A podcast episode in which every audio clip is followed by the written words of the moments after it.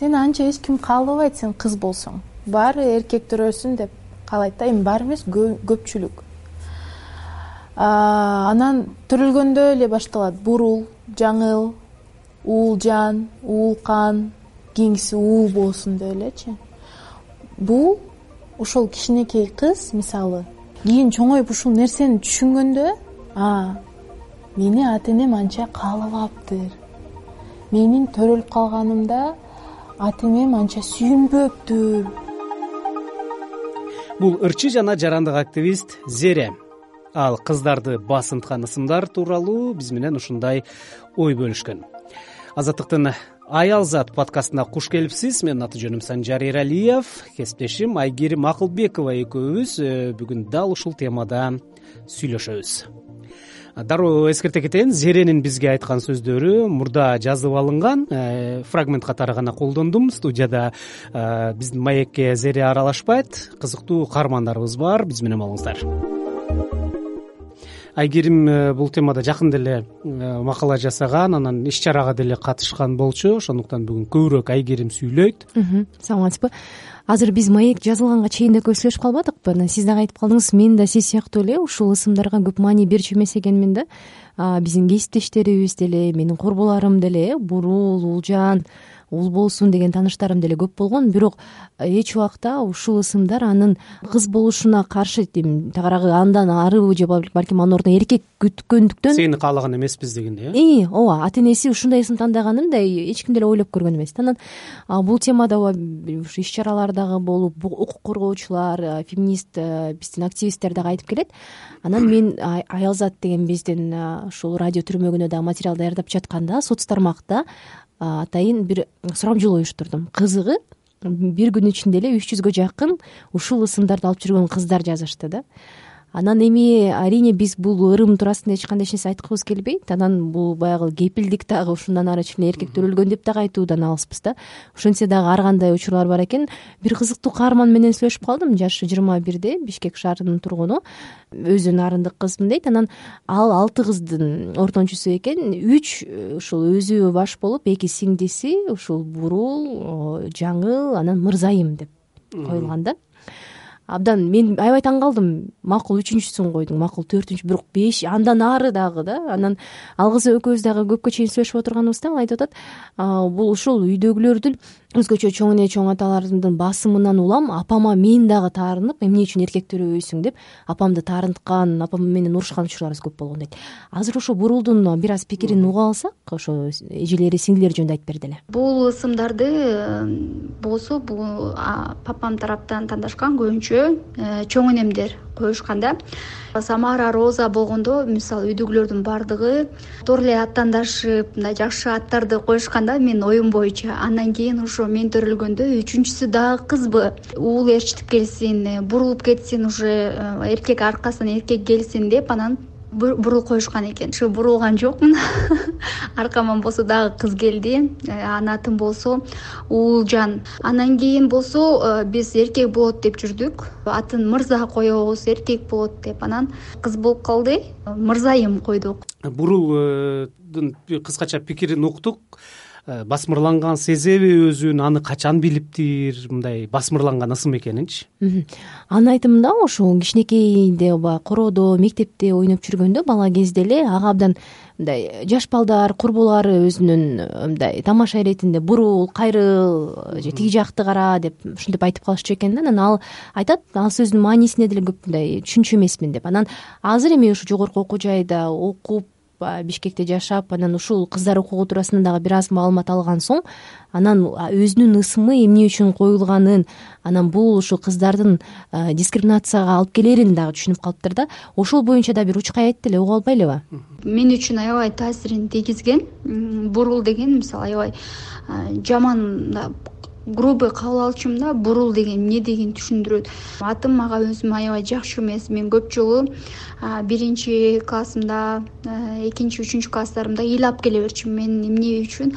Атым бурул депчи. Уже төрт беш жылдан бери бурулай деген ысымды колдонуп жөн гана аттар деп билем. Анткени бизге мисалы канча жолу ат коюлду? Бурул болду уулжан болду мырзайым болду. Ошонун баарында деле мисалы бул артыбыздан кыз келмек да.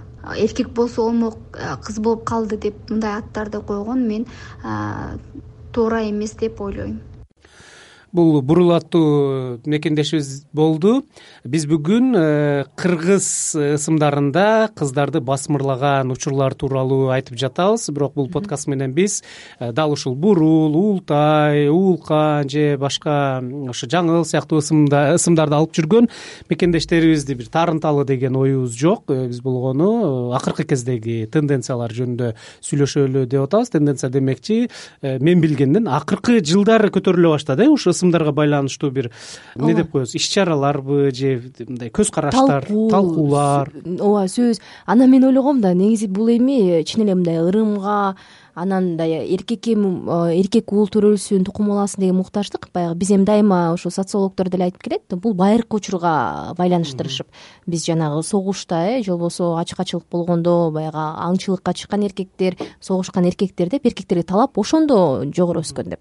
Ал эми азыр э жыйырма биринчи кылымда мындай э, дээрлик теңме тең иштеп теңме тең жашап жаткан учурда андай талап болбосо керек деп чындыгында өзүм ойлогом бирок кызыгы азыр деле ушул ырымдын артында ушу уулжан уулкан деген кыздардын аттары бар экен. Мен дагы бир келин менен сүйлөшүп калганымда ал төртүнчү кызын азыр бир жашта уулжан деп атап коюптур да. Анан мен таң калдым. Өзүнүн айтымында ырым жырымдарга эч кандай ишенбейт. Бирок ушу кайын журтунун басымынан улам ушундай ысым койгонго аргасыз экен да. Төрт кызым бар. Үйдө жалаң кыздар жашайбыз. Эки эле эркек бар. Күйөөм менен эле кайнатам. Аябай деле жээришпейт кыз депчи. Кыздан жыргайсың кыздар жакшы болот деп көбү айтат эми. Өзүм деле ойлойм негизи эркек төрөш керек деп. Күйөөм айтат эки эркек төрө депчи. Кудайдын эмесинен болот болуш керек деп ойлойм. Мындай эркектердин арасында такыр жок да э андай мисалы кыз болсун. Ооба да кыз болсун кызтай деген э. мисалы ооба ооба. Бул мындай таң калыштуу да адилетсиздиктин дагы белгиси го деп эсептейм мисалы мен мен өзүмдүн тааныштарым бар классташтарымдын арасында туугандардын арасында катар катар кыз төрөгөндөр анан алардын балдарынын төрү ортосундагы аралык аябай бат да. Мисалы бир жарым жылда эле төрөй берген алты жети бир тууганы сегиз бала кызы бар. Өзү кыркка чыга элек. Э, бул деле ошо уул каалоонун бир э, ооба ооба көрсөткүчүбү ачык көрсөткүчү. Мен ушул тема боюнча гинеколог менен да сүйлөшүп көрдүм ал акушер гинеколог ошо бишкектеги белгилүү бир төрөтканалардын биринде иштейт экен. Ал айтып жатпайбы биз эми дайыма медициналык жактан дейт да. Жок эле дегенде үч жыл интервал болуш керек аялдын саламаттыгы үчүн деп айтып келебиз дейт бирок ушул сыяктуу түшүнүктөр ошол ырымдарга ишенбеген үй бүлөлөр деле болгондуктан алар атын койбошу мүмкүн. Бирок аялды аялга болгон басым аны жыл сайын төрөткөнгө да жыл айланбай кайра кайра төрөгөнгө алып келет. Канча бир пайыз аялдар бул бир жылдан кийин экинчи төрөтүнө барышат да. Бул албетте анын саламаттыгына абдан оор залакасы тийгизет. Ошол эле кезде ошол акушер гинеколог мага мынтип айтып жатат уул төрөгөндө дейт э, тосуп алуу дагы башкача дейт. Бир мындай шаани дейт да бир майрамдык бир маанай көбүрөөк дейт да. Кызга караганда дейт. Ушул сыяктуу дискриминация ачык айтылбаганы менен бирок элдин мамилеси элдин түшүнүгү ушу балдардын жынысына мындай ачык эле ошол учурда көрүнүп турат дейт. Мен билгенден аялдардын өзүндө деле бар бул мисалы уул төрөө каалоосу да дагы кыз төрөдүм деген бир өзүн өзү мындай басынткан ушу кыздын ордуна уул каалаган аялдар деле көп да арабызда бул жөн ошо эркекке гана эмес же болбосо ошо аялдын үй бүлө туугандарына гана байланыштуу маселе эмес деп ойлойм да. Мен өз мисалымды айтсам болобу мен ушул учурга менин өзүмдүн кызым бар анан мен ушул жагдайга тушуккам өзүм. Биз биринчи узиге барганыбызда ал деле стереотиптик ой экен азыр ойлоп көрсөм. Дарыгер абдан активдүү экен балаңар демек эркек го деп койгон да. Анан биз эркек экен деп эркек деп жүрө берип төрт айга чейин беш алты айга чейин эркек эркек деп анан ысмын да эркек тандаганбыз. Туугандарыбыз баарын эркек экен деп ойлогонбуз. Мындай жүз пайыз ошо эркек дегенге ишенгенбиз. Анан ушу беш айында барганыбызда кыз болуп атат.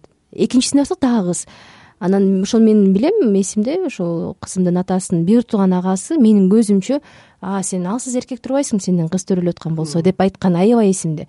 Мага ал атасы эч кандай эч нерсе айткан эмес кыздуу болгум келген жок деп да айткан эмес бирок мен өзүмдү күнөөлүү сезип кыз төрөп жатканыма көпкө чейин ушул психологиялык бир абал менен күрөшкөм да кийин ал түшүнгөм бул бул мындай туура эмес экенин. Ошол сыңарындай мен сүйлөшкөн айрым аялдар жыл сайын кыз төрөп атканына бир мындай өзүнө өзү мындай ушундай бир учур болот экен да. Балким балким бул баягы басымдан деле болбошу мүмкүн.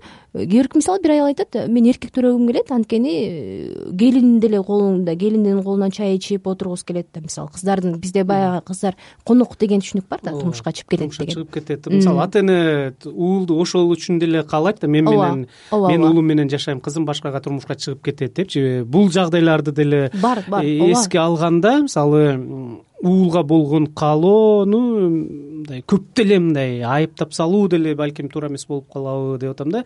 Бирок э, биз бүгүн жана ысымдарга байланыштуу басмырлоону сөз кылып аткандыктан бул маселе жоюлушу мүмкүнбү же көпкө созулабы? Сен себеби талкууларга ушул сыяктуу бир иш чараларга көбүрөөк катышып жүрөсүң да.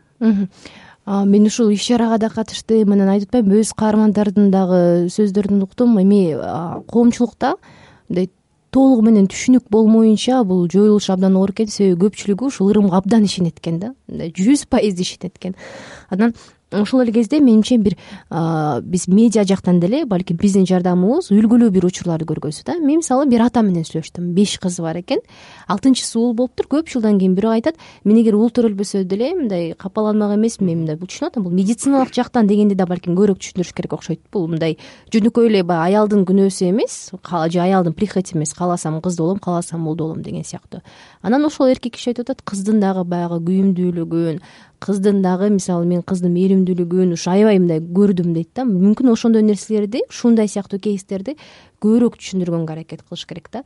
Азыр мына ошол атанын мага айтканын угуп албайлыбы э беш кызымдын бирөөнү дагы ошентип мындай ат койгон эмесмин да. Э, бирөөнү дагы мындай бир э, уулду болсом атаган ата таң ырайып ушинтип э, атын уул келсин деп коеюн же жаңыл деп коеюн деп.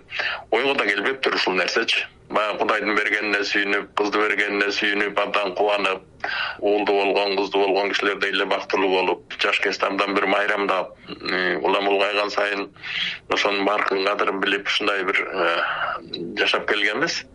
Анан кудайга шүгүр э, уулду да болдук жанагыдай ат койбой эле болдук э, ну уул бербей койсо деле кыздар менен бактылуу болуп аябай жашай берсе болот. Айрыкча эми кыз ата энесине абдан бир күйүмдүү э, жарокер э, боорукер ушундай жан болот эмеспи. Ушундай дагы аталар көп. Бул менимче абдан жакшы көрүнүш. Эмнеси болсо дагы менин пикиримде ал кыз төрөлүбү ал эркек төрөлүбү сен деген эркек болсоң болмок же болбосо сен кыз болсоң болмок деген басмырлоо ата эне тараптан бул дайыма туура эмес. Кандай болгон күндө дагы? Ошону менимче жакындары абдан ушул жектөө чектөөлөрдү туура түшүнүш керек. А ооба биз кыз каалашыбыз мүмкүн эркек каалашыбыз мүмкүн бул башка кеп. Бирок ал ошо балага таасир этпеши керек да. Бул аялзат подкасты болду. Биз кыздарды басмырлаган ысымдар жөнүндө кыскача сүйлөштүк. Менин аты жөнүм санжар эралиев кесиптешим айгерим акылбекова пикирлери менен бөлүштү. Уккандарга рахмат